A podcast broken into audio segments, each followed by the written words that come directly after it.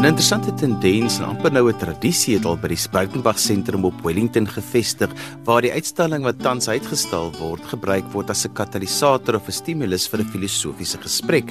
Hierdie Saterdag gaan die gesprek oor Olaf Schreiner. Annegret Erasmus is die kurator van die Breitenberg Sentrum se galery. Annegret, hierdie gesprekke rondom kuns. Kuns moet mos in elk geval met jou praat, maar nou het jy hierdie interessante komponent wat jy bysit. Vertel vir ons daarvan. Weet jy Johan, dit het spontaan net gebeur. Dit het vir ons belangrik geword om die uitstallings verder te vat en bietjie dieper te grawe. Uh met Henk Serfontein se byvoorbeeld het ons die Wilma Stokenstroom uitstalling het ons 'n kenner gekry op Wilma Stokenstroom se uh digkuns. So dit het alles net half verdiep. So dis hoekom ons dit hou. En nou met die Olive Shrine, mense weet nie genoeg van Olive Shrine nie, vir al die nuwe jong men, mense. En ons het net gevoel ons moet oor Olive praat. Mense ken nie meer daai ou sterk vroue figure in ons geskiedenis nie. Vertel 'n bietjie vir my hoe dit die ruimte beïnvloed waar die kuns hang as 'n mens 'n tema gaan haal soos om oor te sê maar ons moet nou oor haar gesels. Ja, dit dit maak dit net meer spesiaal. Soos ek sê mense kyk begin dan met ander oë na die kunswerke ook kyk. Ehm um, Olive Shrine byvoorbeeld met Andri se werk in die houtskole. Jy kan sien van die jong vrou tot die ou vrou en waar deur sy is en dan dis asof jy net met nuwe oë kyk en die lyne in die plooi op haar gesig begin verstaan. So dit skep net vir my 'n verdieping. Bring mense ooit die kuns dan in die gesprek in? Ja, ja, hulle doen. Hulle verwys taamlik gereeld daarna. Ehm um, nou met hierdie gesprek wat kom, kry ons vir Lumarie Kreer om met Andrius te praat, professor Lumarie en sy is mal oor kuns en sy het gesê o, sy moet vooraf kom kyk want dit gaan haar gesprek beïnvloed. En met Ashraf Jamal se boekbekendstelling so 'n week of twee gelede het hy ook verwys na die kuns. Jy weet in, in, in na aanleiding van die kuns het hy sekere goed vir ons verduidelik. So dit help. Dit is baie interessant dat die kuns dan die stimulus word vir 'n ampere filosofiese gesprek wat net soveel verder strek. Dis die idee. Dis die idee.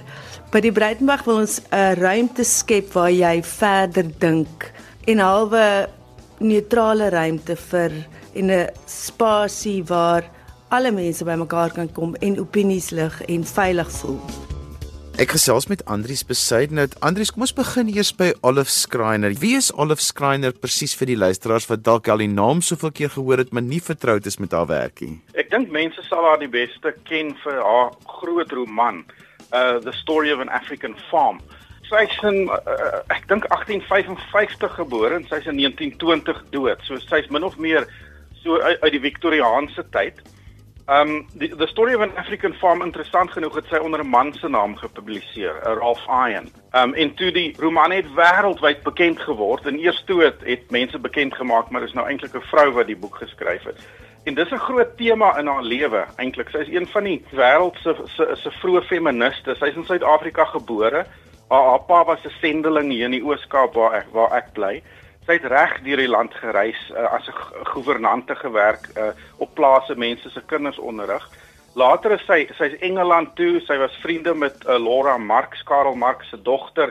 En sy het eintlik 'n wêreldberoemde figuur geword as hierdie uh Victoriaanse Engelse vrou uit Suid-Afrika.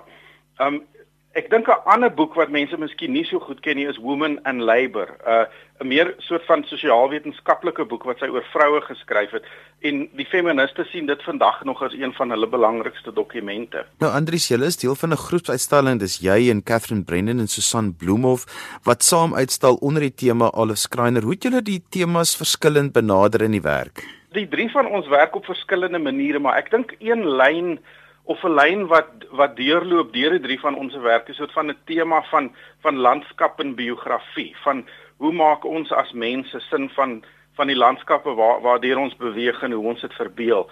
So Susan Bloemhof uh, is ongelooflik, sy's wonderlik met portrette.